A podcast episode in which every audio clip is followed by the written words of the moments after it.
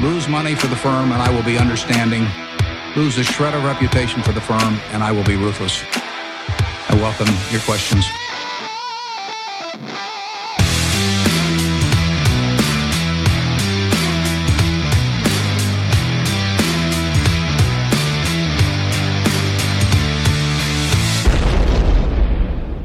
Välkomna till Kvalitetsaktiepodden. Det är jag som är Ola.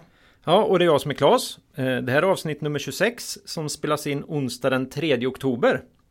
Och det här är nästan på dagen ett år efter vårt bejublade premiäravsnitt.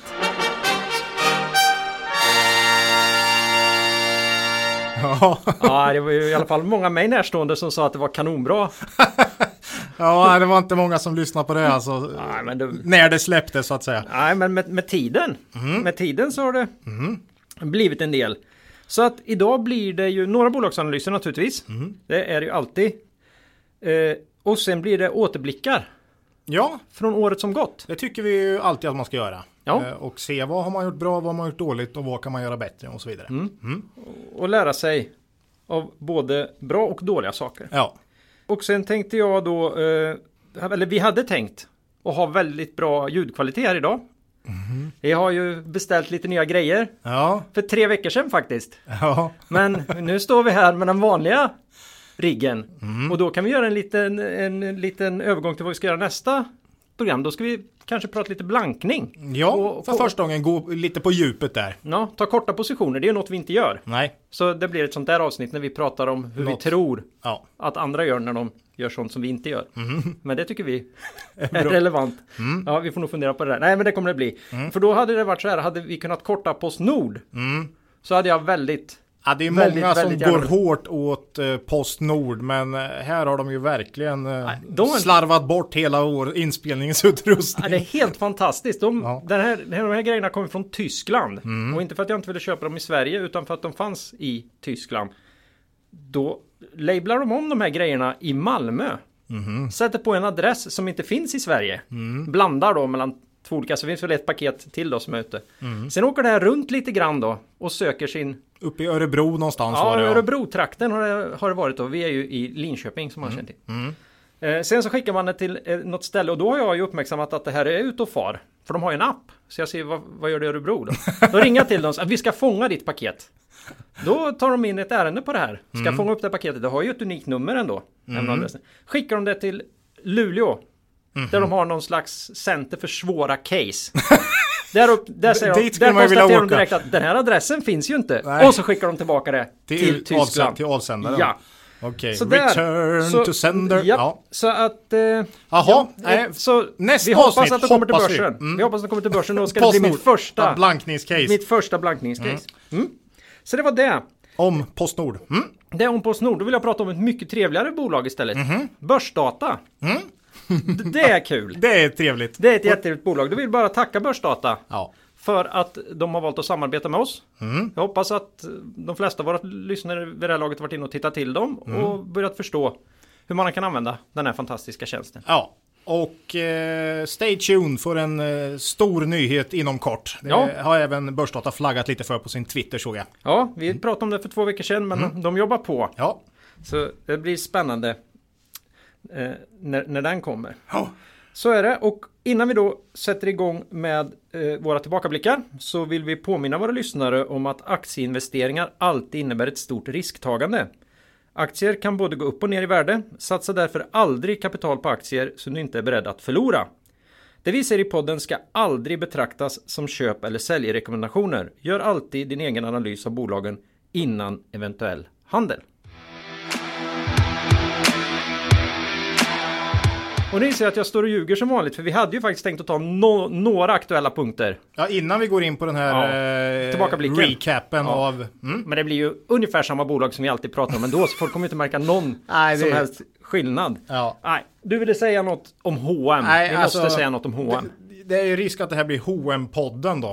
Eh, men det är ett sånt här värde case eh, som, eh, ja, som marknaden är oerhört intresserad av och det är många lyssnare som eh, är intresserade av H&M Och eh, när det händer så oerhört mycket både i bolaget och i på börsen för bolag, för aktien så ja, men jag känner mig nästan tvingad att följa upp det man har sagt liksom, när det kommer ny information. Så att vi tar en liten snabbis här. Sist mm. hade det kommit försäljningssiffror men vi hade inte sett någon rapport. Mm. Och då trodde du att? Då sa jag att eh, den, nog, man skulle, den, den, skulle nog inte bli så bra. Men att eh, Q4 kanske kan bli kvartalet där man eh, ökar vinsten igen jämfört med föregående år. Och eh, den här rapporten som kom in då eh, var lite sämre än väntat. Jag tror den var lite sämre än analytikerna också hade väntat. Eh, men aktien har ju fullkomligt gått bananas. Den är upp 30% på en månad. Mm.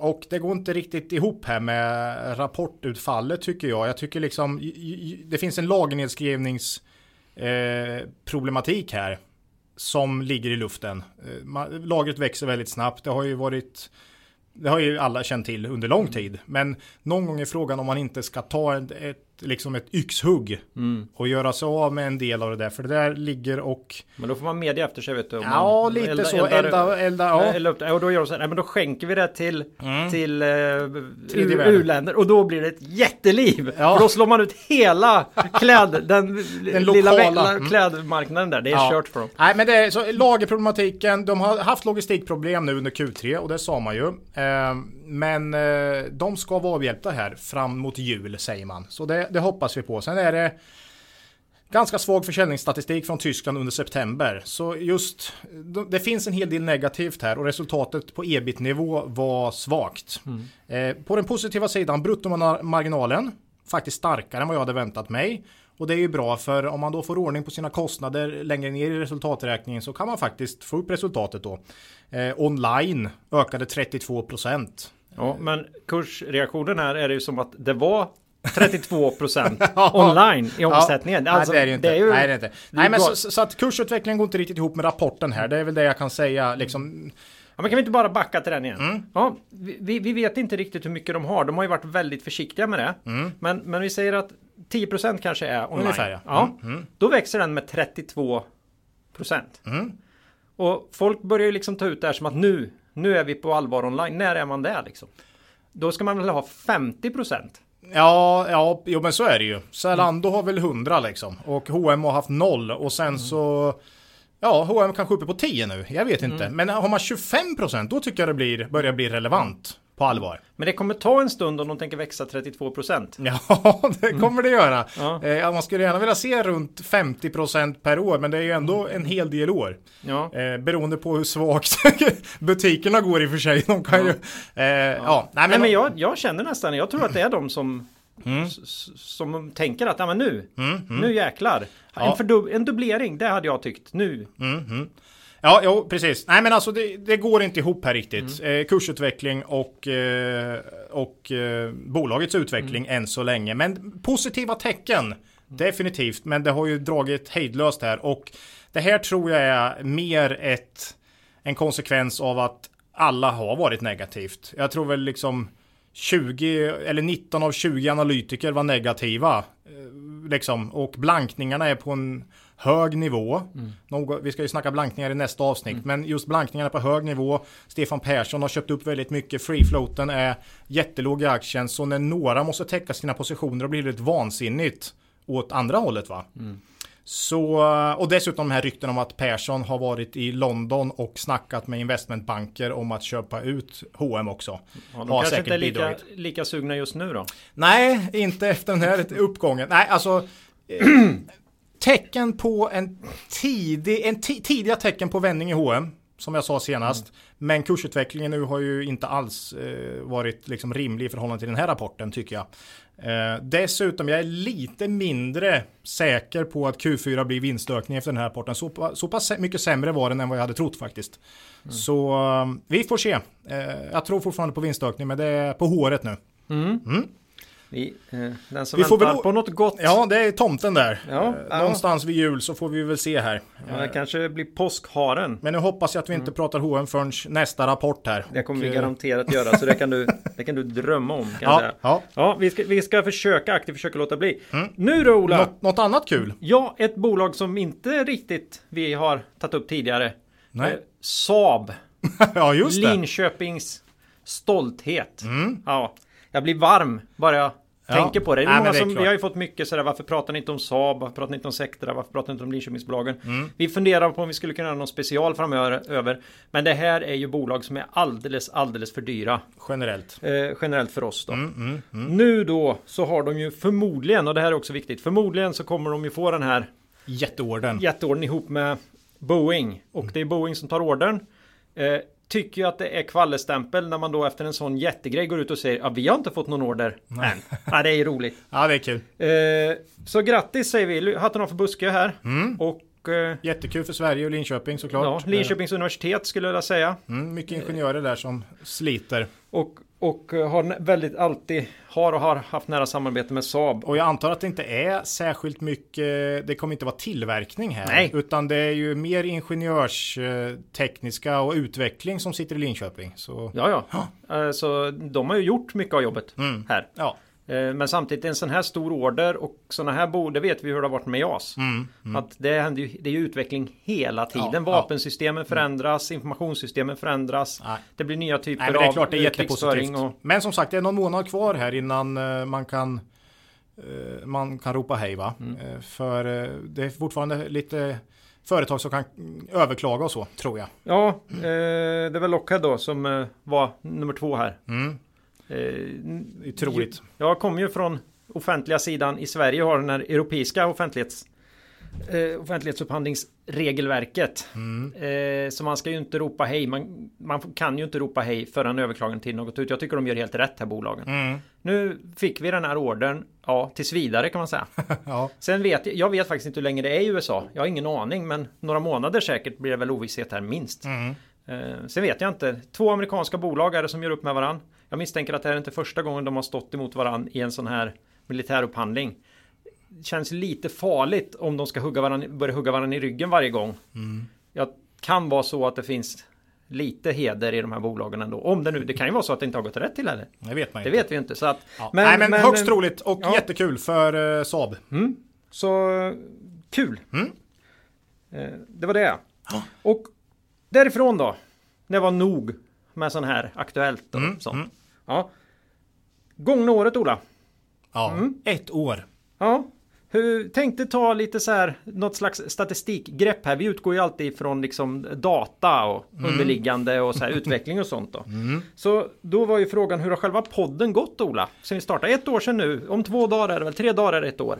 Ja, vi drog ju igång, vad kan man säga, på vinst och förlust va. Vi hade ju ingen aning alls om hur det här skulle tas emot. Jag kommer ihåg vi funderade på 50 lyssnare, det är väl, då är det väl värt.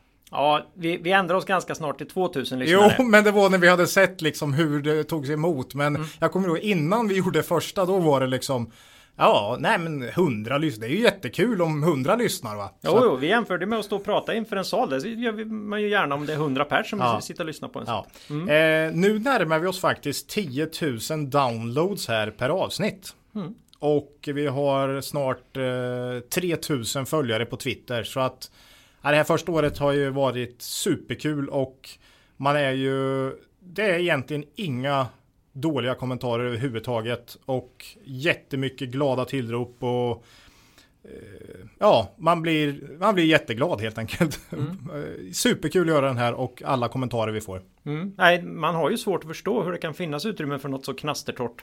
Ja men tydligen så är det liksom en podd som fun- fun- liksom fokuserar på fundamental analys av bolag istället för makro som är mycket, det tar ju upp mycket av media. Mm. Eh, Makrosnack och TA pratar vi inte om och kortsiktigt. Jo, jag pratar faktiskt en hel del Ja TA. det gör det. Mm. Men kortsiktigt spekulerande och sådär. Eh, vad händer på kort? Utan nej, tydligen finns det ett, eh, en plats för en podd som pratar fundamental analys av bolag. Ja, vi säger ju inte ofta det var en fin rörelse Nej. i den aktien Nej. under dagen där. Det, det säger vi inte. Nej det gör vi inte. Nej, nej. Jag, jag har suttit lång. Jag har haft den i en vecka nu. Har vi heller inte. har vi heller inte sagt. Så att, Nej. eh, och det tror jag kan dröja Mm. innan vi. Nej men det var ju också lite en podd som vi ville lyssna på. Mm. Det fanns inte riktigt och då startade vi den. Så att det, Vi det lyssnar ju på de andra med stor behållning. Ja det gör vi. Eh, så att. Eh, Men vi försöker ha en liten annan vinkling på det. Ja. Och hoppas att det ska fortsätta och tas emot väl. Mm. Mm. Har vi mer siffror? Ja, eh, inte, inte sådär siffror mer än då i avsnittsnumrering. Mhm. För nästa grej vi tänkte fundera på är, det här är ju avsnitt nummer 26. Mm. Förra gången hade vi 25 avsnittsjubileum här då. Och, Mhm. eh, vilket har varit ditt favoritavsnitt Ola? Eh, oj. Eh, det måste vara Det måste vara det här eh, köp och behåll avsnittet när vi tog ut Buy and hold portföljen. Den la jag nästan mest tid på och eh, Ja, jag kan intyga ja, att det väldigt, var väldigt Ja. mycket tid nedlagd. och eh, jag tyckte det blev väl, tio väldigt bra bolag eh, varav nio har gått bra på börsen och ett har gått mindre bra liksom. Så att eh, nej, jätte, jättebra. Det, den podden är jag verkligen stolt över. Och dessutom var Ja, vi... bol- bolagen ja, har ju utvecklats som vi hade hoppats i alla fall utom ett kan man säga. Ja. Vi ska ju återkomma till det här. Det återkommer vi till. Ja. Eh, alltså det är nog mitt favoritavsnitt. Dessutom var vi ganska kritiska till Clas Olsson eh, i det avsnittet också. Vilket har eh, visat sig rätt då. Än så länge. Mm? Ja, nej, vi, du såg väl inte hur de skulle kunna växa. Nej. Eh, så det, nej. Det, så det är mitt favoritavsnitt. Ja. Buy and hold, eller köp och behåll från 14 december. avsnitt nummer sex där då. Mhm. Ja. Ditt då? Det är ju givet då för, för de lyssnare som varit med oss länge. Det är ju avsnitt nummer 12 va? Detta ikoniska avsnitt. Jag behöver inte säga att det är hellre mikro än makro avsnittet då från eh, i mars, 8 mars. Mm, mm, Eh, de fyra småbolag där bland annat. Det hände ju mycket i det avsnittet men mm. eh, och de har ju gått riktigt bra. Ja, vi Det tog är ju upp, kul, alltså. vi tog upp fyra bolag där, var, varav du pre- gjorde din första bolagspresentation där också va? Ja, det var ju Är det det, som... Ja, ja. ja, ja okej. Mm. Nej, för vi tog upp eh, Hoff, Mm. eh, House of Friends, som eh, blev uppköpta här för ett tag sedan. Mm.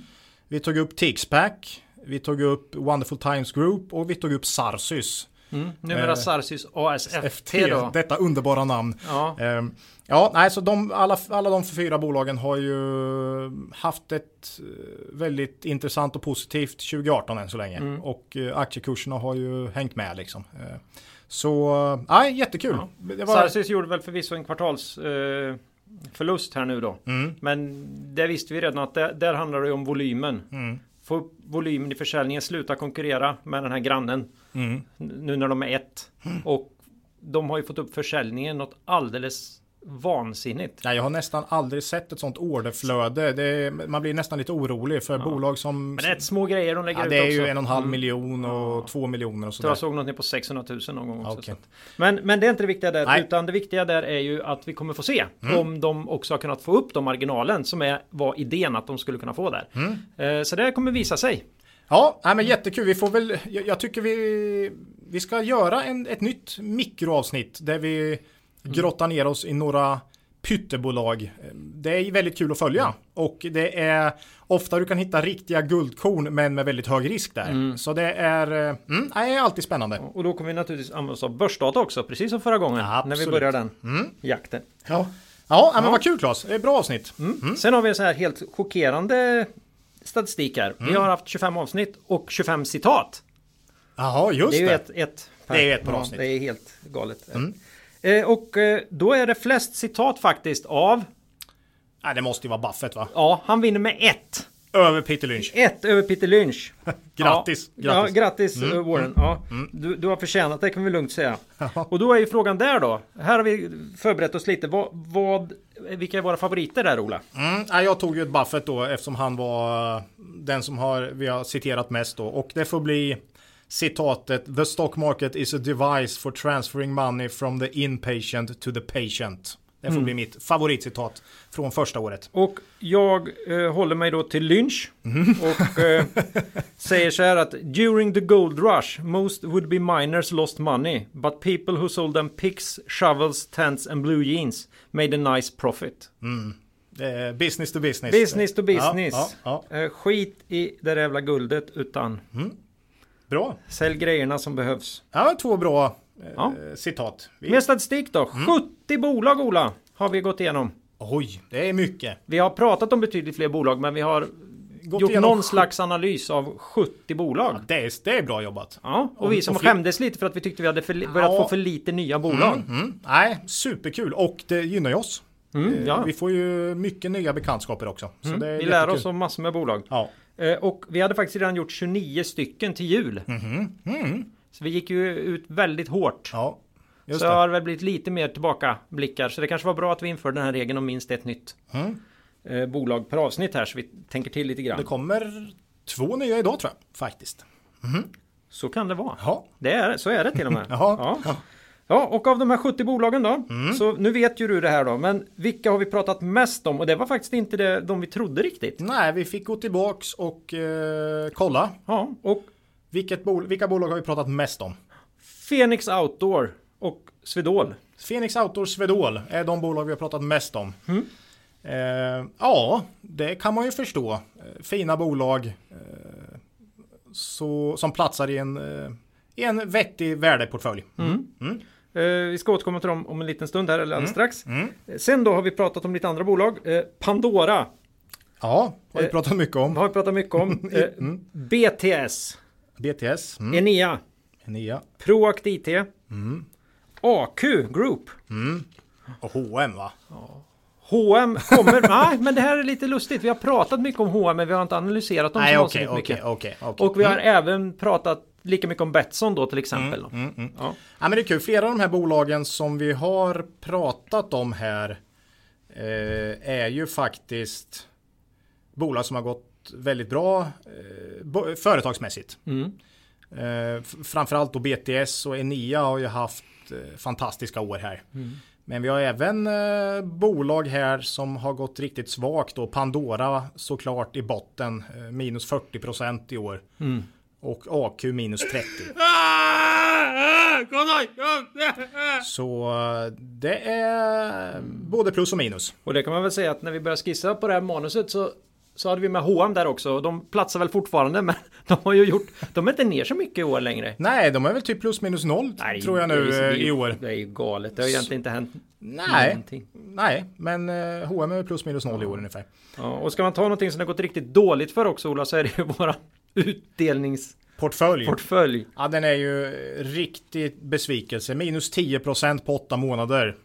Och eh, ja, chansar nog lite mycket där känner jag. Lite, lite bära eller brista företag var det ju. Eh, Två har, är på plus, tre på minus. Och det är också när man bara har fem bolag så blir man ju ganska utsatt. Eh, Så att, eh, nej men det är det, vi får ta nya tag. Eh, Jag tänker mig att vi ändå ska försöka göra ett andra försök med en utdelningsportfölj, även om fast det inte är våran business direkt. Eh, Jag gick tillbaka och lyssnade, jag gått tillbaka och lyssnat på den några gånger. Vad sa vi där egentligen? Vi, vi är ju inte jättekaxiga i alla fall. Mm. nej, jag vet att vi smög in det där lite Ja. och var lite för, äh, här är inte våran. Och det roliga är ju att vi hade, innan det så hade vi massor med folk som bad oss om utdelningscase. Sen har det inte varit, Jo, efter det har det varit ganska tyst? Men det kan man ju förstå. Ja, För det jag skulle ju inte fråga mig själv om ett utdelningscase. Nej, men jag tänkte vi ska ge en andra chans. En gång, ingen gång. Två gånger, gång, gång. Vi kommer väl göra det på ett annat sätt. Ja, Nej, men det blir, det blir och förmodligen tio bolag också då. Mm. Eh, men det, vi ska försöka göra en andra chans här i vinter. Vi ska dessutom såklart göra en ny buy and hold-portfölj. Eh, självklart. Och, eh, för den har ju varit succé. Mm. Det är plus 30% på nio månader. Och det är ju fantastiskt när det... Så kan, den- den kan ju vara minus 50 om ytterligare nio. Det, det kan den vara. Det är ju Men- aktier. det är aktier. Ja precis, Men då kanske bolagen, vi säger att, fan, att vi Ja. inte jobbar mer med utdelningsportfölj. ja. Nej, Nej, men alltså, men bolagen har gjort det vi hoppades på i, i väldigt många fall. Oerhört bra bolag i buy and hold-portföljen där och eh, vi får se. Mm. Eh, vi, där ska vi definitivt göra en ny i, i vinter. Det var ju roligt. Det var på kul. riktigt. Ja, det var roligt. Det var jätteroligt att göra Ja, en sån här Vi utdelningsportfölj ska också. försöka igen. Den kan ju om några år kanske. Ja, Eh, nej men utdelningsportföljen en, eh, en skam. mm, ja men det är den ju. Ja, det är en det. plump. En plump. De här, de här portföljerna kan man ju se inne på våran eh, hemsida också nu då. Kvalitetsaktiepodden.se. Mm. Som vi ju har fått hjälp att få upp. Men kan man inte då koppla det här till dagens citat redan nu kanske? Det här med Jaha, u- utdelning, utdelningsportfölj och eh, väldigt dåligt resultat. Du men all bets are off här alltså? Ja visst, visst. Nej men det är ju, så gör vi det. Är det, Ja. är det ettårsjubileum så är det ettårsjubileum. Då, Ja, ja. då korkar man upp champagnen lite tidigt ibland. Det, så är det. Och eh, ja, du kan väl ta det Ska, kanske. det här är det längsta, by far längsta citatet Mm. som vi har haft. Okej. Eh, och det kanske också eh, passar in då på ett sånt här jubileumsavsnitt. Mm. Det är Peter Lynch Så nu är det ju Lika. Even Steven igen, jajamän. Han har sagt så här. In this business, if you're good, you're right six times out of ten. You're never going to be right nine times out of ten. Investing is a numbers game. You cannot and must not ex- expect a perfect game. If you can't take a loss, then you're doomed right from the start. Success in investing and in life depends on dealing with failure, cutting losses early, learning from them and moving on. Ja. Så oerhört bra och eh, något som är, ja, det är avgörande skulle jag säga för en bra avkastning över tid. Eh, och helt grundläggande för att du ska kunna hålla på med aktier. För som Peter Lynch säger här, 6 av 10. Har du rätt så blir det ofta ganska bra. Eh, jag tror faktiskt jag ligger kanske på 7 av 10, men du måste kunna ha fel. Och substantiellt många av dina case kommer inte bli bra. Du måste kunna tillåta dig själv att ha fel, för annars ska du inte hålla på med det här. För du kan inte vara 100% i här. Och dessutom inse när du har haft fel och skära bort det, eh, den aktien som inte har eh, det företaget ska jag säga som inte har levererat som du har trott. För aktien kan ju gå dåligt men företaget kan gå bra. Då ska du inte sälja den aktien. Men eh, om företaget går dåligt och inte levererar som du har trott. Då måste du kunna sälja och köpa nya aktier som du tror på. Men det måste ju upp över 50%. Så, eh, man säger Wall Street har rätt 50% av gångerna. Men 6 av 10 då slår du Wall Street. Va? Så att eh, Nej, man måste få fel och, och givetvis så är det i utdelningsportföljen här också. Eh, man måste kunna göra fel. Mm. Så passar ju bra. Det gäller att skära bort den då. Ja. Låtsas som den aldrig har funnits. Vi, vi tar bort den från hemsidan och Ja. raderar avsnittet. Jag säger att buy and hold är det enda vi har. Ja, det där har jag ingen minne av att vi skulle Nej. ha. Nej. Ja. Nej, det som är lite lurigt där då, det är, ju, det är ju det här när du faktiskt fortfarande anser att du har fundamentalt rätt. Mm. Men, men eh, dina kompisar ute på marknaden, eller Mr Market himself då, Mhm. uppenbarligen inte tycker det. Man, man, man ser saker på helt olika sätt. Det, det är ju då det är då det blir riktigt jobbigt och ibland kan det ju vara läge att dra sig ur då också. Mm, mm. För att man inser att det är någonting fundamentalt där. eh, Inte fundamentalt, men det är någonting i värderingen av det här bolaget på marknaden som jag inte, Förstår. Eller som jag inte förstår. Nej, Nej. och eh, alltså så kan det ju vara. Mm. Fördelen med att äga aktier är att det är ingen som kan tvinga dig att sälja. Nej. Är det tvärtom att du har kort eh, blankat då till exempel så Eller måste, lånat en massa. eller lånat så, så måste du ju Mm. få rätt ganska fort. Men här kan du ju vänta ut. Eh, Sen och du kan få vänta länge, men du har ju råd att vänta länge när du har aktier så att säga. Så att, eh, Men det är viktigt att veta också att man kan ha rätt, men mm, bolaget kan göra det du förväntar dig, men aktien gör det inte. nej. Så Och är det. då är det också okej att Mm. bail out så att säga. Ja, Eh, För det måste man göra ibland. det För måste annars man. har du inga pengar att investera i något annat som marknaden då kanske kan reagera lite Nej, sundare på enligt vårt sätt att se det. Precis. Så är det. Eh, jag tänkte vi skulle avrunda den här eh, lilla historiska exposén här med eh, frågan varför vi har podden. Vi har fått den mer och mer på slutet. Ja, Och det, inte så ifrågasättande som jag kanske Nej. låter här då, utan mer va- va- Varför gör ni det här? Varför gör ni det här? Och Ja. det, här är, det här är jättebra, men hur orkar ni? Hur orkar ni? Ja. Roligt är väl det första man kan säga. Mm. Eh, skoj. Vi gillar det här. Mm. Det, man blir glad dagen man ska spela in podd helt enkelt. Eh, Det är väl inte... Och dagarna är- innan. Och dagarna innan, det är absolut huvudskälet till att vi gör det. Eh, Sen är det väl det här med liksom att man vill vara en motpol och man känner att det finns en ett intresse för värdeinvestering och bolagssnack på en nivå som eh, inte är jättevanlig faktiskt i media. Mm. Och eh, ja, bara det tycker jag egentligen är tillräckligt då eh, för att göra den här podden. Ja, definitivt. Ja. Och sen tror vi att fundamental analys av bolag är långsiktigt mer lönsamt än eh, andra typer av investeringsfilosofier för majoriteten. Vissa kan säkert vara oerhört bra på andra typer, men för de flesta så tror jag att långsiktiga investeringar i, i bra bolag är en väldigt bra grej för att få en bra avkastning. Mm. Och då vill man ju få ut det till fler än oss själva när vi sitter och snackar. det är ju kul att dela med sig där liksom. Ja, jag vet, jag, jag vill eh, revidera historien på så sätt att det var jag som föreslog att vi skulle starta den här en gång i tiden. Mm, mm. Och det var ju mycket det att jag tyckte att jag har en bild när jag sitter och följer det mesta av media bruset som fanns och sen en helt annan bild när jag pratat med dig genom alla år. Ja, ja. Och den bilden har nästan varit omöjlig att få. Jag tyckte det var lite orättvist. Mm, mm, Eh, för- jag har argumenterat för bolag så har folk, vem säger det? Ja det är Ola. mm.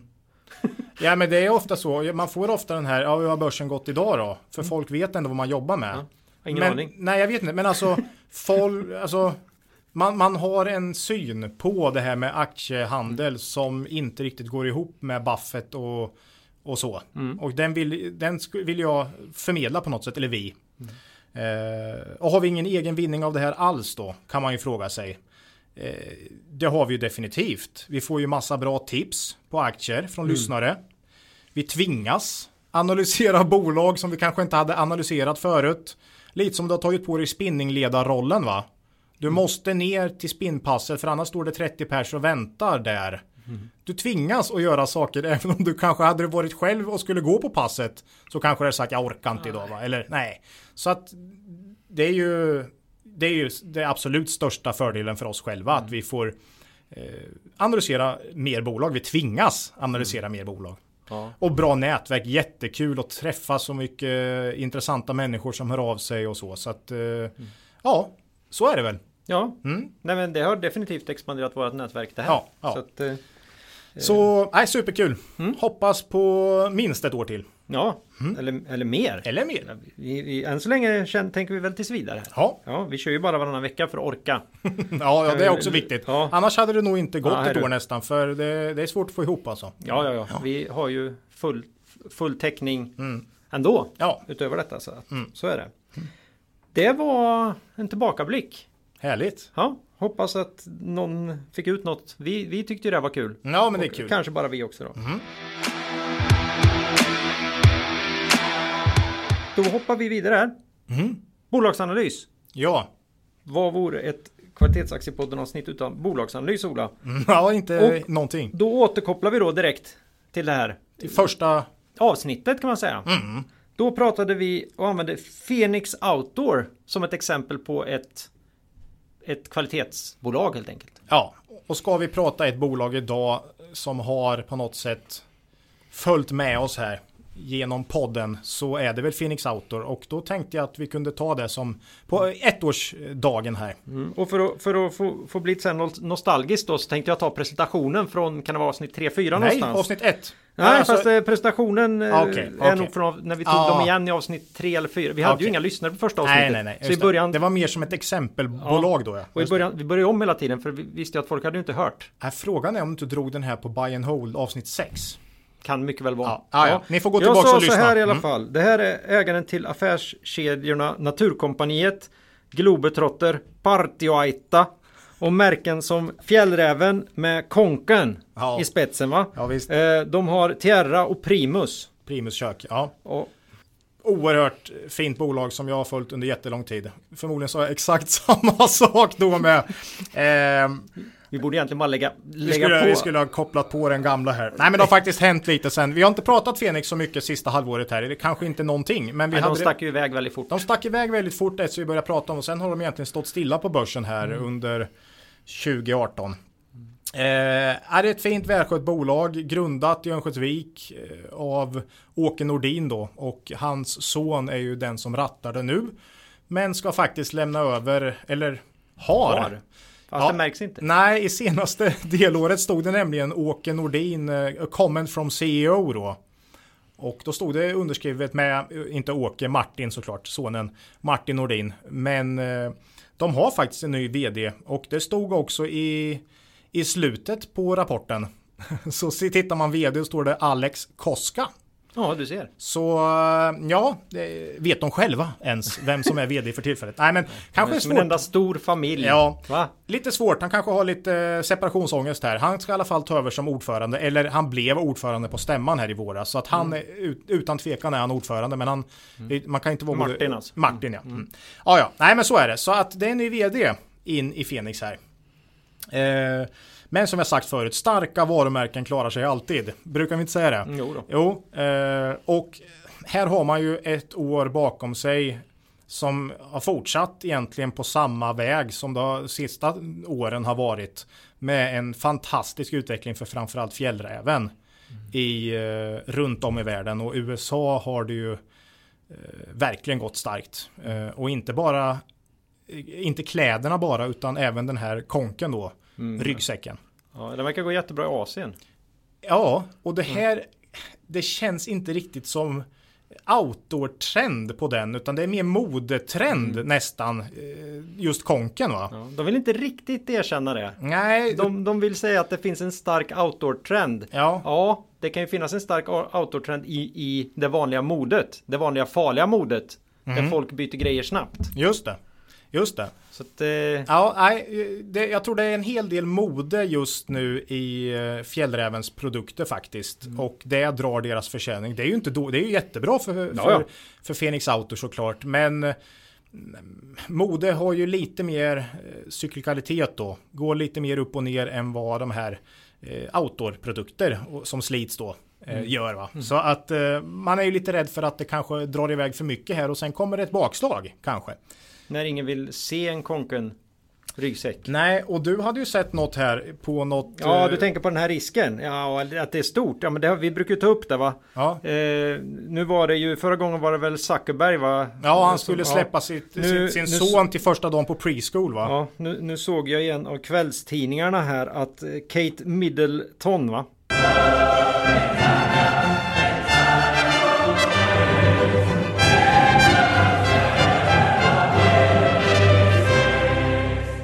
Vem? Ja, det är Hon är her hertiginna av Cambridge och eh, förmodligen blivande, ja heter det drottning då? Drottning. Eller? Hon ja. är gift med William som mm. ska bli kung av England. Om bara hans farmor skulle kunna tänka sig att trilla pinn och sen hans farsa också. ja, jag vet inte, det där är ju helt jag galet. Hon, är 92. Charles, hon är 92 mm, nu. Jag tror prins ja. Charles kommer snuvas på hela sin ja. kungatron alltså. Det är, det är liksom, han hinner, han vad är han, 70 nu eller? Men de gjorde en, de gjorde en modegrej på det här rakt av. Att mm. hon sågs i en ny fjällrävenjacka. Eh, mm. Kan den heta Stina, modellen? Ah, I. I veckan här, hon hade väl varit hos barnen på dagis och härjat mm, i, mm. i den här. Ja. I den här jackan då. Mm. Och det, det är så, så pass grej så att vi gör Ja, ja det är hett. Det är hett, fjällräven, eh, utan tvekan. Och det är inga dåliga skyltdockor och de lär ju inte få betalt heller. Utan det är ju gratis reklam rakt ner i mm. Phoenix Outdoors eh, mm. ficka så att säga. Mm. Eh, jättekul, men hon lär ju knappast vara ute i Sarek med den där va. Utan det är ju mer för att hämta barnen känns det som va. Ja. Eh, nej, nog om det. Eh, senaste tio åren, låta siffrorna tala för sig själv här tycker jag. Senaste tio åren har man ökat omsättningen med i snitt 21% per år. Det är oerhört få bolag som utan utspädning har ökat sin omsättning med över 20% per år i tio år. Mm. Fantastiskt bolag. Vinsten har ökat exakt lika mycket i procent per år. Man har gått från 800 miljoner i omsättning till 6 miljarder. Vinsten har gått från 100 miljoner till 1 miljard. Mm. Alltså det är, det är en veritabel framgångssaga. Mm. Eh, ja, Q2 här då som kom nu i somras så eh, ökade omsättningen, eller första halvåret så ökade omsättningen med 6% och vinsten med 11%. Mm. Så lite mer, vad ska man säga, modest eh, tillväxt här under första halvåret. Absolut inte dåligt. Men lite under Fenix 10-årssnitt då kan man säga. Eh, och eh, man har ju då halva omsättningen från brands och global försäljning av de här varumärkena. Och halva från retail, de här eh, butikerna. butikerna ja. Men eh, vinsten, där står butiken endast för 10%. Mm. Och eh, alla de här brandsen står för 90%. Mm. Ja, det är lite skillnad i marginal där. Ja, exakt. Och de har ju 25-30% rörelsemarginal i brands. Mm. Och eh, Ja, jag tror andra halvåret här kommer nog visa på lite svagare tillväxt. Det kommer inte vara de här 20 utan det kommer vara lite lägre om de inte hittar på något förvärv, vill säga. Eh, och dessutom så är det lite tuffa jämförelsetal här, framförallt i Q4, och, nej både Q3 och Q4 faktiskt, får man mm. säga. Så eh, det, det, kan vara lite halvtufft här under hösten. Eh, aktien värderas till cirka P20. Mm. Och eh, jag tycker nog det är där den bör ligga med tanke på fantastiska historiken. Men kommer den ner mot, säg att det blir lite svagare här i höst. Eh, I alla fall tillväxtmässigt. Då mm. kanske den kan komma ner till P16. Någonting. Om den gör det, då tycker jag det är ett jätteintressant eh, långsiktig aktie att äga. Eh, så är det. Mm. Och man har ju som sagt nettokassa, det vet jag inte om jag sa, men man har nettokassa i alla fall. Triggers, eh, förvärv kan man göra med sån kassa. Och dessutom för några år sedan flaggan för att dela ut retail till aktieägarna. Ja, för att bli av med skiten. Bli av med 50 procent av jobbet. Av, av, omsättningen som man knappt tjänar några pengar på. Mm. Eller hur? Ja, det är ju säkert 90 procent av jobbet. Ja, så och 10 procent av intäkterna. Dela ut den medan mm. börstiderna är bra. Mm. Och sen så visa upp eh, varumärkena i all sin prakt då med 25-30% rörelsemarginaler och fantastisk tillväxt. Den, den, det bolaget skulle prissättas oerhört högt på börsen. Det som mm. blir kvar alltså. Mm. Tror jag. Så att eh, mm, det är två potentiella triggers. Hoten är ju såklart det vi sa förut här att Moderisken. Ja, eh, deras stora tillgång, fjällräven mm. och konken. Det är ju också kan ses som en risk såklart. Eh, är det hypat just nu? Eh, mm. Ja, det är ju det, det är såklart det stora hotet tycker jag. Men eh, fantastiskt företag. Ja. Nej, men man kan hoppa konken kan ju vara som Louis Vuitton. Det liksom blir aldrig. Nej. Det blir aldrig ute med fan utan det är alltid. Och det har ju funnits sedan 70-talet. Men självklart, det var ju tider på 80-90-talet då konken inte var så hett. Nej, fast det, de sålde ju fortfarande. Det är det som är så galet. Det fanns ju, de hade ju sin kund. Ja. Det, det har de, det har alltid funnits. Men nu är det ju extremt. Ja. Och att man dessutom har kommit ut med det i, över hela världen. Ja. Eh, Ja, nej, men man har jättemycket tillväxt kvar såklart. Så att, eh, mm. ja, nej, jättespännande med Phoenix Outdoor, ett kvalitetsbolag utan tvekan. Eh, och eh, kanske det enda klädbolag som är på plus i år på mm. Stockholmsbörsen. Jag har inte exakt koll, men det, det känns så. Ja. Ja. Mm. ja. det kanske finns något annat märke. Ja, H&M är plus minus noll tror jag. Ja, det är jag. Björn Borg är back och MQ och Kappa de här ska vi inte prata om. Mm. Nej. Det är tufft. Det är tufft. Mm. Ja. ja, vad kul, var vi, lät vi lite, lite negg där och det är, ju, det är ju bra att vi kan vara det, det någon gång. Eh, men med det sagt så kommer de ner så kommer ju vi bli Absolut. jätteintresserade ja, igen. Ja. Så det är bara att vänta. Ja. Mm. Så kommer ni förstå att vi försöker ändå. Mm. Vi, vi, Phoenix är kanonbolag. Vi älskar det bolaget. Mm. Mm. Men inte till P20. Nej, inte tillräckligt billigt. Nej. Margin of safety eller säkerhetsmarginal brukar vi prata om. Det behöver man ha. Mm. Om man ska handla. Ja. Bra. Då är det så här att någonting när jag gick igenom våra gamla avsnitt här. Och, mm. Eh, skulle man kunna säga, har, har vi gått och blivit spelbolagspodden Ola? Fram till... ja, det är en berättigad fråga. Ja, ja, fram till är någonstans mitten på...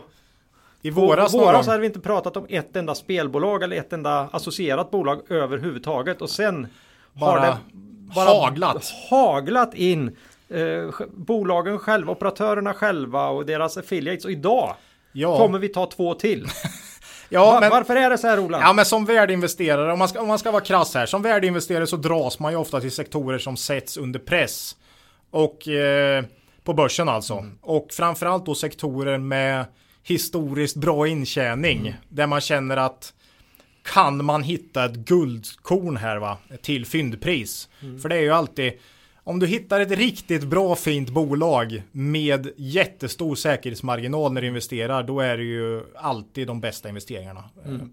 Så det blir ju så. Vi pratade mycket klädbolag här i vintras och Ja, man, man, vi, raff, vi rafsar ju i, i resterna där och försöker hitta någonting som har lite mer fundamenta än vad marknaden kanske tror. De här som dras med ner. Ja. Och vi, har krafsat, vi har ju krafsat runt bygg, byggsektorn, byggsektorn också jättemycket. Med billigt med bygg. Alltså, mm det, det, det, är naturligt att leta där ingen annan vill ha. Peter Lynch, ja det citatet ska vi också ta någon gång här framöver, men han har ju pratat mycket om det här att han helst vill ha det sämsta, den sämsta investeringen är det hetaste bolaget i den hetaste branschen. Mm. Och precis tvärtom här då är ju en bra är ju ett, ett väldigt o, nej, ett bolag som inte är uppmärksammat, inte omtyckt, mm. men som har kvaliteter.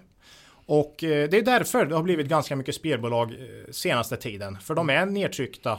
Och, och, det är ju jättebra för Lynch pratar mycket om det att de så gärna ska ha skitdåliga namn. Mm. Och då fixar ju Mr Green det. MRG menar du? Ja, de hade ja. något bra och så gjorde de något jättedåligt. Ja, men då är ändå Sarsys ASFT. Ja, det, det, går är, inte att slå. det är snäppet det, sämre. Det alltså. går inte att slå alltså. Nej.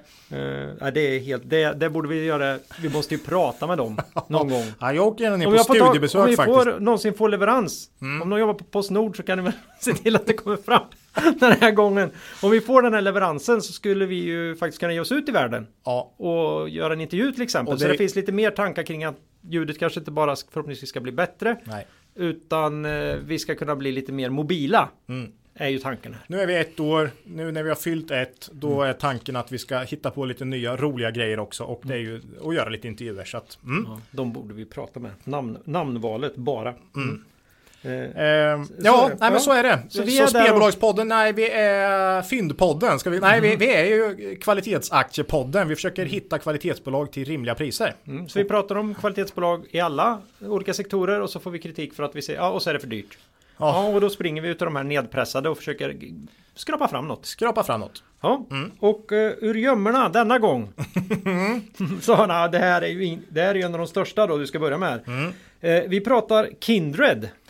Ja. Och det är ju inte alla som vet vad det är för någonting. Och är man på börsen så kanske man vet. Men det är ju kan man säga i allt väsentligt Unibet. Mm. Så det här är ju en operatör. Mm. De gjorde ju, eller Mr Green gjorde ju samma sak här. Gick, bytte namn till MRG då för de har fler varumärken. Och eh, Unibet gjorde det för några år sedan. Mm. Bytte namn från Unibet till Kindred. Eh, just för att de hade kört på sig lite andra varumärken. Och, mm. eh, och så. Det, det var inte bara Unibet eh, som var kvar då så att säga. Eh, och eh, ja, Kindred. Första gången vi tar upp i podden. Mm. Vad kan man säga? Historik här är ju stark, men det är det ju för nästan alla spelbolag. Kollar man här 10 år på Kindred så är det omsättningstillväxt på 25% per år och ebit upp 20% per år. Mm. Det är ju liksom Fenix. Fantastiskt. Vart skriver jag på? Vart skriver du på? Mm. Eh, marginalen har sjunkit från cirka 25% för 10 år sedan och är nu nere på 18. Så där har du ju en fallande trend. Mm. Och det är väl lite också av oron här i branschen. Vart ska detta ta vägen?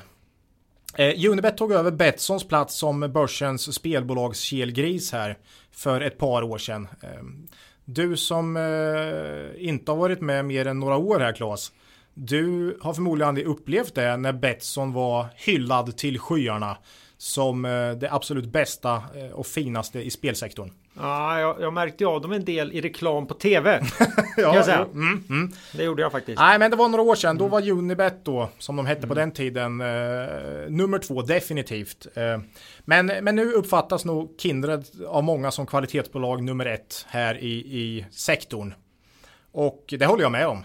De är jätteduktiga, de har stor spridning geografiskt och de har 50% sportsbook och 50% som är spel och kasino och sånt. Mm. Eh, så det är ju också en eh, lite try större trygghet tycker jag än om du har 80% kasino till exempel. Mm. Eh, så att, och det är, det är ju anledningen till det är ju att man dels man litar ju mer på de koncepten att de är mer fair och kan, kan tolereras bättre av myndigheter och sådär. Ja. Sports, sportspelsidan är mer eh, etablerat medan kasino nog kan vara mer spelberoende. Och... Det är ju de säger, ja, det är väl det man har, känner i alla fall. Att eh, där kan det vara mer problem med spelberoende och spel eh, på sportspel känns mer eh, det är coolare. Ja, man förstärker ju en mm. annan.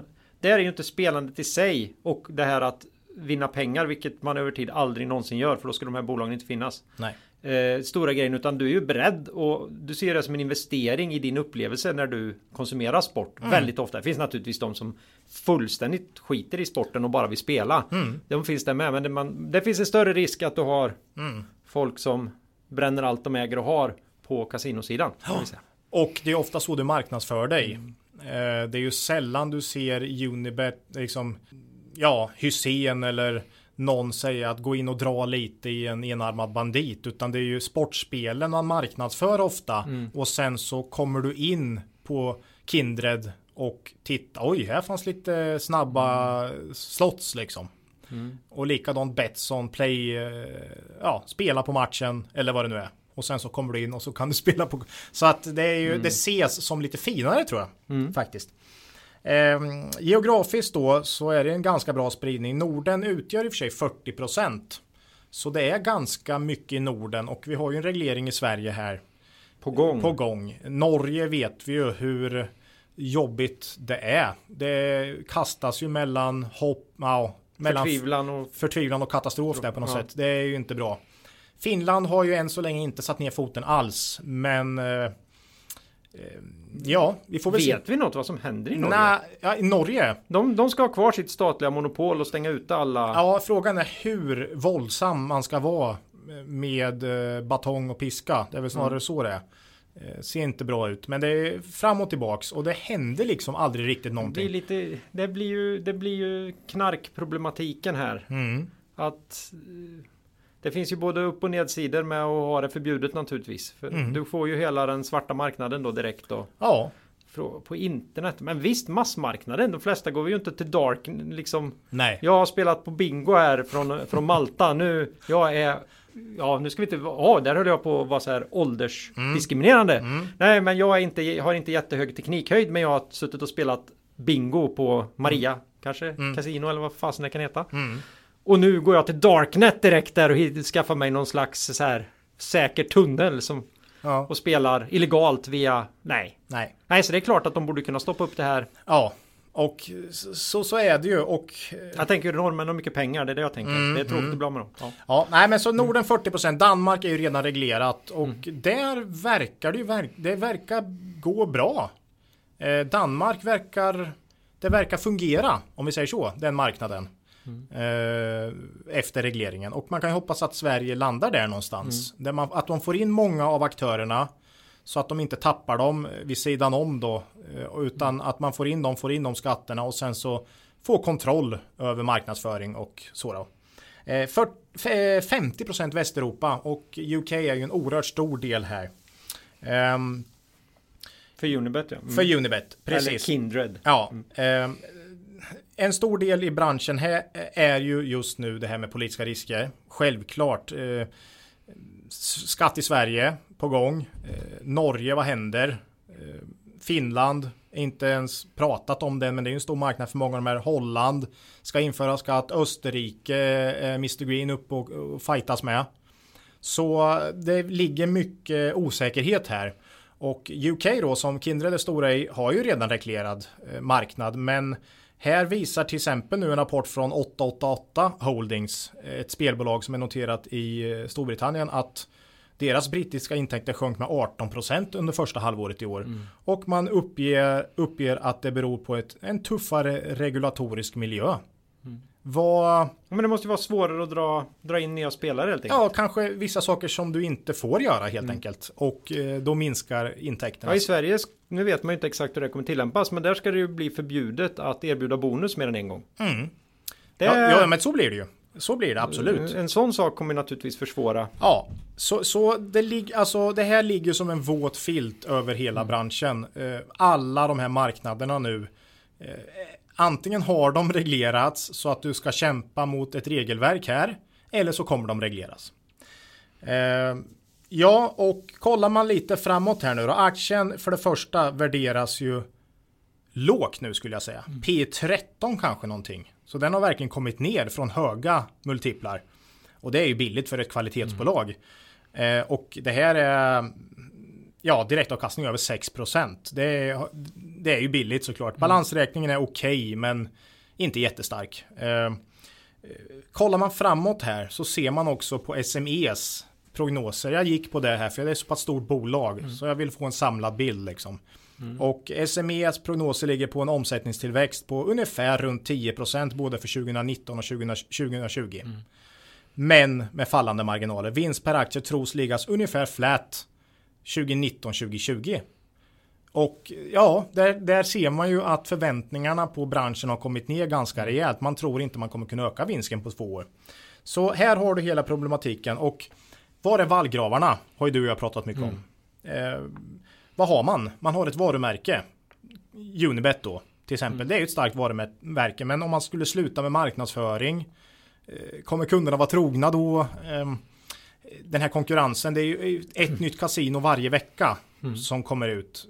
Det är ju liksom dels från den från det hållet så blir man attackerad Det av finns ju ingen konkurrenter. teknisk mot här. Nej, Det finns ju ingen innehållsmässig mot. För alla erbjuder samma grejer. i stort sett ja. Det Ja. är oerhört lite. Utan du ska ha en bra, en bra fungerande sajt och sen så ska du eh, vara, erbjuda liksom de grejer som alla andra erbjuder och sen så ska du göra att kunden trivs liksom. Eh, Men du har ju ingen större mot här. Nej. Vallgrav. Jag, jag tänkte faktiskt på det. Vi gick inte in på det så jättedjupt. Men Mr Green har ju börjat jobba med att utveckla egna. Och det är det säkert flera som gör. Alltså helt egna spel som bara är deras. Så att för att inte ha. Alla har ju från de här NetEnt och Yggdrasil och, och ja, nu borde jag kunna fler men. Evolution Gaming. Evolution naturligtvis. Ja, det är väl de som var störst först på det här med live kasino och det här. Eh, då, då, ja, då ska vi ha våra egna spel. Kan jag säga, kommer de inte ha. Kommer de få fram ett bra spel där som, som funkar. Då kommer deras kompisar komma till dem och säga Fy vad ni ska få revshare hos oss om vi får. Ja, Och det kommer de ta. mycket troligt. Och så kommer alla ha det spelet. Fast de har ju då också blivit spelutvecklare då. Så, så Nej. de kommer ha samma grejer. Ja, så är det. Mm. Eh, och det är svårt att ha en, en stor eh, vallgrav då, Mm. helt klart. Och eh, eh, nej, stenhård konkurrens. Så är det. Så dels har du konkurrensen från ena sidan och sen har du de, den politiska, alltså staterna från den andra sidan som pressar hela branschen här nu. Eh, squeezar egentligen i mitten här då. Och Mm. Ja, de tjänar för mycket pengar. Ja, konkurrensen kanske kan lätta lite dock när regleringarna införs. Mycket möjligt. Att eh, vissa slås ut och du får, inte, du får mer kanaler att marknadsföra dig i. Ja, eh, och, men monopolföretagen kommer ju ge sig in i leken. Vad händer där? Kommer de bli mer aggressiva på kasi- eh, online-casino och kommer de marknadsföra sig hårdare? Det vet man inte heller. Nej, jag, jag har ju sett den här. ATG ska ju in. Mm. Jag ser ju den här när veckans, veckans travhäst drar de här Kasinohjulen. Nej, bingo, bingobollarna. Ja. Och då går han ner i den havre. Ja. Jo, de, de kan göra något helt unikt där faktiskt. Ja. Eh, nej, men tillbaks till Kindred då. Men det blir lätt ett snack om branschen när man ska prata om de här bolagen just nu. För det är så mycket som påverkar branschen i stort. Jag tycker Kindred börjar komma ner på nivå där de ser väldigt intressanta ut. Eh, Det är en konjunkturstabil aktie. De har, jag, jag har förtroende för ledningen. Eh, Men nyhetsflödet kommande år det ser ju inte ut att bli jättemuntert. De, de mest positiva pressmeddelandena kommer väl vara det blev bara 15% skatt i Österrike. i Österrike. Alltså det, det, det kommer inte bli Ja, det kommer inte bli någon klang och jubelföreställning eh, på börsen, tror inte jag. Men som en långsiktig aktie att äga i en konjunkturstabil verksamhet. För det är ändå så att det är en motpol till verkstadsbolagen här. Med bra direktavkastning och den tror jag mycket väl de kan hålla uppe om det är så att de håller vinsten. Men det kommer, jag- kan inte tänka mig att det kommer bli någon vinstexplosion kommande år här utan det kommer ligga hyggligt flat. Men någon gång här eh, och vi ska inte glömma USA heller. Nej, För där är Unibet på gång lite men det är ju väldigt, väldigt tidigt. Oerhört tidigt och eh, jag tror inte man ska vänta sig liksom substantiella intäkter från USA förrän om ett antal år. Liksom. Eh, det är en bit fram helt enkelt. Utan man får nog helt enkelt eh, kolla på Europa och vad som händer här och fundera på och jag tror att det börjar bli intressant nu i Kindred att eh, som ett långsiktigt bett men aktien kan ju mycket väl gå svagt kommande år. Eh, men men- du skulle ju aldrig kunna lova att den inte halveras närmaste året. Nej, det kan du mycket väl göra. Ja, så en sammanfattning långsiktigt intressant aktie, men mycket svårt att göra prognoser för kommande år. Eh, det är stor osäkerhet i branschen för närvarande och det gillar inte marknaden. Så kan man säga. Hela sektorn kan fortsatt tappa rejält på börsen med ett mycket dåligt nyhetsflöde. Men det gäller att vara med. Långsiktiga fynd görs ofta när börsen skyr en hel bransch som pesten har jag skrivit. Ja, eh, får ni... Jag tror du menar det också. Ja, får, ni, får man själv fundera på om man kan ta ett svagt nyhetsflöde kommande år och känna att eh, Unibet eller Kindred är värt, eh, värt, värt sitt pris så att säga. Lycka till att hitta botten. Ja, den är alltid omöjlig. Om ni hittar den får ni jättegärna skicka. Ringa, ja, ni kan, ringa, Ringa. kan ni ringa då. Eller skicka Och helst, mail i och helst inte ett år efteråt. Nej. Utan, Där Ja. är den. FinX. ja. För Där alla de här aktierna, aktierna i spelbolagen är ju på väg ner kan man säga. Det är den trenden. Och eh, nu ska vi lyssna på ett, eh, ett annat eh, branschbolag. Mycket snabbare här. Tiden springer ju iväg något fruktansvärt när vi står här och bara tramsar och det är främst jag då. Du säger ju vettiga saker. Det får du ta Claes. Nej, det kommer inte gå så bra där, men vi provar. Eh, en, en, ett bolag vi inte har varit inne på är ju Catena Media. Och de tänker vi inte prata om ändå. Nej, vi tänker prata om något helt annat faktiskt. Mm. Det finns ju ett annat litet bolag här som heter Net Gaming Europe. Och en disclaimer här är ju att det här har jag ju pytsat i en liten, liten, liten peng i. Mm. Eh, för att göra något helt annat än vi, det vi Brukar göra. brukar göra. Okej. Eh, och det är ju den här grejen som du pratar om ibland att vi gör. Mm. Vi tittar på ett bolag, vi kan inte bestämma oss, man lägger in en peng. En liten peng Mm. för att tvinga fram Ett intresse. ett intresse Mm, och att öka. Och jag har haft väldigt svårt att bestämma mig åt vilket håll jag ska gå. Mm. Ja. Så jag, jag ligger kvar med min lilla, lilla peng. Och det här är då eh, Netgaming Europe. De är som Catena Media. Fast pyttelitet, eller litet numera kan vi väl säga. Mm. Eh, och för att veta då vad de här gör. Det här är ju då Lead Generation Affiliate. Det här är alltså företag som ska tjäna pengar på att leda folk via internet är det ju oftast. Via sajter på internet in till de olika spelbolagen och då få en andel i eh, ja, antingen få en betalning för varje spelare de leder vidare och det kallas väl eh, CPA, CPA ja. Customer, Eh, nej. men vad kan det stå för? Eh, Ja, det tar vi nästa på. cost per acquisition. Ah, Ja, något sånt där. Ja, de får betalt ju. Ja, Mm. ja. Eh, och eh, sen och den andra varianten är ju det här med RevShare då, att man får en andel i Mm. i, eh, Vinsten. i vinsten som den här spelaren gör under någon tid, i evig tid eller några år eller, eller sådär då. Och eh, då kan man lyssna på Market Makers podden. Mhm. Eh, avsnitt nummer 49 som är någon, några veckor gammal tror jag. Mm. Eh, 48 och 30 in. Då pratar han om Catena Media och sitt intresse i det bolaget. Och förklarar precis vad det här är för någonting. Så vill ni veta vad eh, både Catena Media och Netgaming Europe gör så kan ni eh, lyssna där då. Bra. Eh, så det här är alltså affiliate inom gambling. Och eh, Catena Media handlas idag till PE eh, 17 förväntat 2018. Mm. Och Netgaming handlas till P 8 ungefär. Oj. Ja, är ju, Förväntat 2018. mm, det är ju rejäl skillnad där. Mm, så därför tar vi upp Netgaming här då. Varför är det skillnad här då kan man fråga sig. Mm. Ja, Det vill jag veta. ja, nu är ju eh, Netgaming mycket mindre. Mm. Eh, har väl en omsättning som är en sjättedel kanske. Mm. Ja, inte Ja. okej. Mm. Mm. Ja. Eh, mo- mot vad Catena Media har. de har då va? Mm. Eh, man har historiskt eh, haft mycket så här, eh, sån här CPA. Där Catena Media nog har varit duktigare på RevShare misstänker jag. Men det vet jag inte säkert men jag tror det. Men nu jobbar man jättehårt på att få mer RevShare i Netgaming och mer hybrid kallar man det. Någon slags kombination. Du får en liten peng per lead och sen så Ja, får, får du en, en, en kickback om de här människorna då som du lyckas locka in faktiskt spelar. Just det. Ja. Nej, de har haft väldigt tungt mot CPA förut. Ja. Ja. Sen så tänkte jag att nu har jag hittat det. Varför de är så oerhört lågt värderade. Ja. De har ju nämligen en skuldsättning här. 2,8 nettoskuld per ebitda. Mm. Vi, vi rör ju normalt sett inte bolag över 2 Nej, kan man säga. sällan. Eh, beror ju lite på. Då ska det vara kvalitativt. Mm, ja. Tomra etc. Mm. Eh, och, eh, men där har man ju satt nya, ganska nytt nya, finansia, nya finansiella mål Mm. och sagt att vi, trots att vi vill fortsätta växa och så vidare, vi ska ner till två. Mm. Så man adresserar problemet. Men går man då in och tittar på Catena, Mm. ja då ligger de ju på 3,4 i nettoskuld.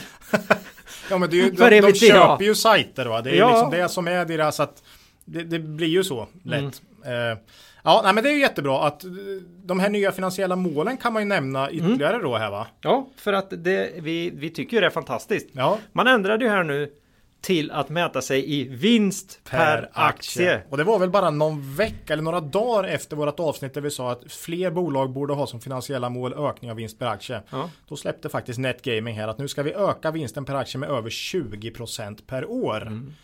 Och om det här, om man ska vara lite eh, bullish då, som det heter, så är ju P8 med ökning av vinst per aktie med 20% per år. Om det skulle bli en realitet, då är det ju ett superköp såklart. Men, Men, finns det några risker? ja, då kan man tänka sig just det här vinst. Varför ska vi tro på det? Ja, Ja, huvudägare här är ju en Henrik Kvick.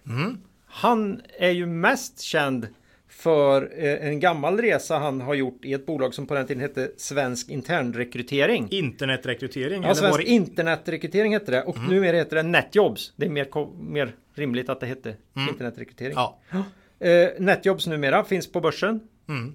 Låg inte på aktietorget. Låg First på, North, First. North, ja. Och där är han fortsatt stor, storägare. ja. Så om man, men, ja. det här med kött och blod då. Mm. Ja, det är ju bra om nu kött och blodet. Om man har förtroende. ja. Eh, Nu var ju det här tio år sedan. Ja. Svensk internetrekryteringshärvan eh, briserade då. De hade ju skickat ut bluff. Eh, ja, nej, jag vet inte. Det var, det, blev, det var i alla fall en skandal. De, det var ju jag, svinn... vet aldrig, jag vet inte om någon blev dömd eller om det Nej, blev böter och sånt. Men, men de skämdes ju. Mm. Det var inte så att de gick ut och försvarade sig och sen blev Nej. upprättade. Utan de döpte ju om hela bolaget till. Ja, och han hoppade av som ordförande då. Mm. Eh, ha, eh, Henrik Kvick som numera är största ägare här då. I, eh, Ja, här har han Netgaming. 65 procent. Mm. Ja. Eh, Men, nej, men det ligger honom i fatet såklart. Mm. Och det kan vara därför aktien inte lyfter heller. Eller så är det bara att branschen i sig är oerhört eh, hatad Mm. för tillfället. Kan det ju vara. Eller en kombination. Mm. Eh, Mm, här får man väl. Mm. bilda sig en egen, det är tio år sedan. Det- Någon preskriptionsgräns får man ju ändå dra för det här. Men eh, ja, det är klart det ligger dem i fatet lite. Mm. Men eh, ja, det, det finns väldigt mycket som är positivt här då. Det är ju en snabb ökning i vinst per aktie. Mm, det är ju viktigt, det gillar ju vi. Mm, och vi vill inte gå in på några exakta siffror här för det är ändå en gissningslek. Det vänder så fruktansvärt fort. Det här är Mm. ju inget bolag med den historiken som vi normalt sett. Har inte varit noterat så länge heller Nej. väl? Nej. Ja, och, Det är några år. Ja, det är några år. Okej. Men eh, det har ju varit skakigt. Mm. Och man har haft problem med sin finansiering. Man har haft väldigt, väldigt dyr finansiering historiskt. Och man har spett ut aktien och spett ut aktien. Mm. Nu känns det väl som det tar lite stopp. Man har fått eh, ut en bra företagsobligation här. Mm. Man minskar sina kostnader för sin finansiering av det här. Den här rejäla lånestocken då riktigt, riktigt mycket. Och eh, framförallt då, varför är det här intressant? Jo, det här är ju en riktig exponering mot den här USA-marknaden som alla Pratar om. Och Ja, det de har 20% Mm. av sin omsättning i USA. Mm. Och de har bara 10 kanske i Norden. Jaha, Så det, är en, det är en europeisk spelare minus reglerade problem-Norge och reglerade Skandinavien Norden. Mm. De är 20% redan på USA-marknaden Ja, intressant. då. Mm, mm. Eh, och man har ju ett rejält tillvä- tillväxtfokus. Men med då som vi hör en bibehållen vinst per aktie Mm. som mål. Mm. Jätteintressant. Mm. Det är jätteintressant. Mm. Ja, Nej, men jag, jag, jag blir genuint intresserad av det här. Det är lite hög risk för mig kanske, men eh, det här känns verkligen som ett av de här bolagen som skulle kunna gå oerhört bra framåt, men risken är ju väldigt hög. Du har en hög skuldsättning, en nettoskuld på 300 miljoner tror jag det var. Och dessutom har du en huvudägare med en Lite historik. skamfilat. Ja, lite skamfilad historik. Ehm, nu är det tio år sedan, men ehm, ja, nej, det är ett intressant bolag. Ja, Mm. Det ska bli oerhört intressant att följa, för vinst per aktie ökar oerhört snabbt och värderingen är ju väldigt låg. Mm. Och dessutom som vi har pratat Global Gaming, också P8 säkert, men där har du oerhört mycket Sverige då. Och eh, ett varumärke, här har du ju mängder med olika Mm. sajter och det är mycket USA. Så att, ja, nej, Ja. Netgaming, mycket intressant faktiskt. Mm. Eh, får se vad det landar i här framöver. Men, så antingen så är det här den bästa exponeringen mot USA du kan få Ja. i branschen. Eller så är det den bästa exponeringen för folk som hatar sina pengar. du kan få mot USA ja. i, i branschen. Nej, vi vet inte. Nej, vi vet vi inte. Men det verkligen ingen aning. Nej, intressant case. Absolut. Mm. Med hög.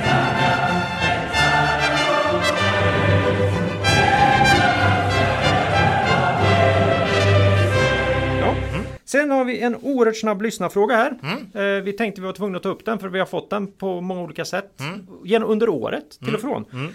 Eh, optionsprogram till anställda. Vad tycker vi om det, Ola? Ja, jag tror, eh, alltså jag brukar inte bry mig jättemycket. Han, senaste frågan här var ju mycket, lite angående utspädning då. Och visst kan det bli utspädning, men det brukar sällan vara ett stort problem tycker jag. Det kan vara någon procent eller en halv procent. Och eh, jag är också lite tveksam till att motivationen ökar sådär extremt mycket med optionsprogram. Eh, men om det bara är en halv procent utspädning och jag vill väldigt gärna att ledningen ska vara med i båten på något sätt. Så jag tycker inte optionsprogrammen är en big issue faktiskt. Det, det är inget jag går och surnar till Nej. för. Utan, eh, men samtidigt, jag, jag tror det är ganska mm, jag tror effekten är ganska liten på motivation egentligen i, ibland i, på många håll och dessutom brukar utspänningseffekten för småsparare vara ganska begränsad då. Eh, Så att jag tycker det inte det är en jättestor issue faktiskt. Sen kan det vara så att just i de bolag som vi blir seriöst intresserade av så har bolag som håller på och fnular och gör konstigheter med optionsprogram. De försvinner tidigare Ja. i vår screening. Ja, Så vi behöver aldrig liksom Nej, för det där är ju bra, bra Claes. För där är vissa bolag som nästan har satt i system att så att säga ge ut eh, optioner och fördelaktiga optionsprogram när när aktien är extremt nedtryckt och sen kommer en oerhört stark kvartalsrapport eh, och drar upp Det aktien. hade de ju ingen aning om. Det hade de ingen aning om Nej, såklart. så, nej, så tråkigt. Nej men så är det ju va. Men eh, i många av de här kvalitetsbolagen, för det första så äger ledning mycket aktier. Det gillar ju vi. Eh, Och de är ju beredda att köpa och köpa aktier över börsen. med sina skattade medel. Ja, så att eh, mm, nej, j- jag tycker inte det är något stort problem, men det kan säkert vara ett problem i, i vissa bolag ibland. Eh, får Och då kan på- det nog vara ett varningstecken. Om man vara. tycker att det ser konstigt ut då kanske man ska ta ett annat bolag Mm. där det inte ser konstigt ut. Ja, fiffel och eh, sådär eh, hålla, bolag som håller på att trixa. Det, det är inget roligt. Eh, så, Ja, det här var ett eh, ganska kort svar. Vi, vi tycker inte så jättemycket om och det egentligen. något flummigt. Men, Nå- något flummigt, men så får det vara. Eh, bra, då har vi börjat nå vägs ände för det här ettårsjubileet. Jättekul. Ja, det har varit kul. Ja. Och eh, då ska vi säga så här att nästa avsnitt kommer torsdagen den 18 oktober. Ja. Blankning. Ja, vi ska prata blankning då. Vi Precis. kanske blankar hela avsnittet, kommer inget. det kommer. Det kommer inget avsnitt. Nej, nej. Nej. Eh, det blir teknikkonsulter. Ja, det kan jag utlova. En liten eh, screening på eh, de noterade teknikkonsulterna. Ja. Mm. Gå igenom allt möjligt. Ja, se om vi har någon, kan, kan göra någon eh, prispall där också då. Mm. Och sen eh, några rapporterande bolag. Det blir det. Japp, och eh, ni kan mejla oss. Vår nya adress är kontakt kvalitetsaktiepodden.se Just det. Så här är någonting ny, nytt. ny hemsida. Och, Ja, kvalitetsaktiepodden.se är hemsidan och Mm. mejladressen är kontakt kvalitetsaktiepodden.se. Podden med två D då. Mm. Eh, ni kan ju alltid kommentera oss. Twitter tycker vi är jättetrevligt. Facebook funkar bra. Mm. Eh, man, vi har även igång den här kommenteringsmöjligheten på, på hemsidan. Eh, ja, det var väl det. Mm. Eh, har vi något makro värt att ta upp idag Ola? Nej, har vi inte. Nej. Eh, något på den tekniska analys? Nej, du, du kanske har något? Nej, eh, inte egentligen Ola. Nej. Men jag tänkte att den här punkten av någon anledning bara det kom för mig. Att det här kan vara rätt ställe att rekommendera en mycket bra bok. Jag nyligen läst kan jag säga. Ja. ja, ja. Eh, och då här är en uppmaning på riktigt till alla lyssnare. Läs larmrapporten Att skilja vetenskap från trams. Av Dr. Emma Frans. Du, och det här tog, är inte du tog det under TO. Ja, det var en ren slump. Det var jag bara kom på det att jag borde ta upp det. Ja, Nej, det. läs larmrapporten Att skilja vetenskap från trams.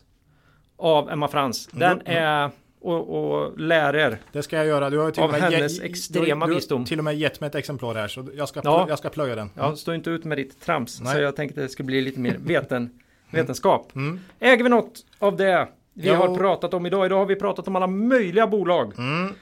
Swedol äger vi. Ja, vi har pratat eh, Enea. Enea, BTS nämnde vi va? Japp. Eh. Eh, Sarsys ASFT. Proact. Mm. AQ. Definitivt Group. pratar vi om. Och eh, Netgaming. Äger du en liten post. Ja, en pytt och jag vägrar ju släppa en litet, litet hörn i Pandora också. Ja, just det, just det. Precis emot det vi pratade om innan. Ja. Att ibland får man ge upp, för jag hävdar ju att, att marknaden Den har sjunkit är, för mycket, alldeles för negativ. Ja, alldeles för, att, att marknaden är alldeles för negativ. Mm. Eh, eller så är det bara jag som är dum i huvudet. Kan vara. Så kan det vara. Ja, så med det så vill vi säga hej då för den här gången. Och hoppas att ni vill vara med oss, kanske ett år till. Hoppas. Ja, så kom ihåg Det är först när tidvattnet drar sig tillbaka som du får se vem som badat naken. Lose money for the firm and I will be understanding. Lose a shred of reputation for the firm and I will be ruthless. I welcome your questions.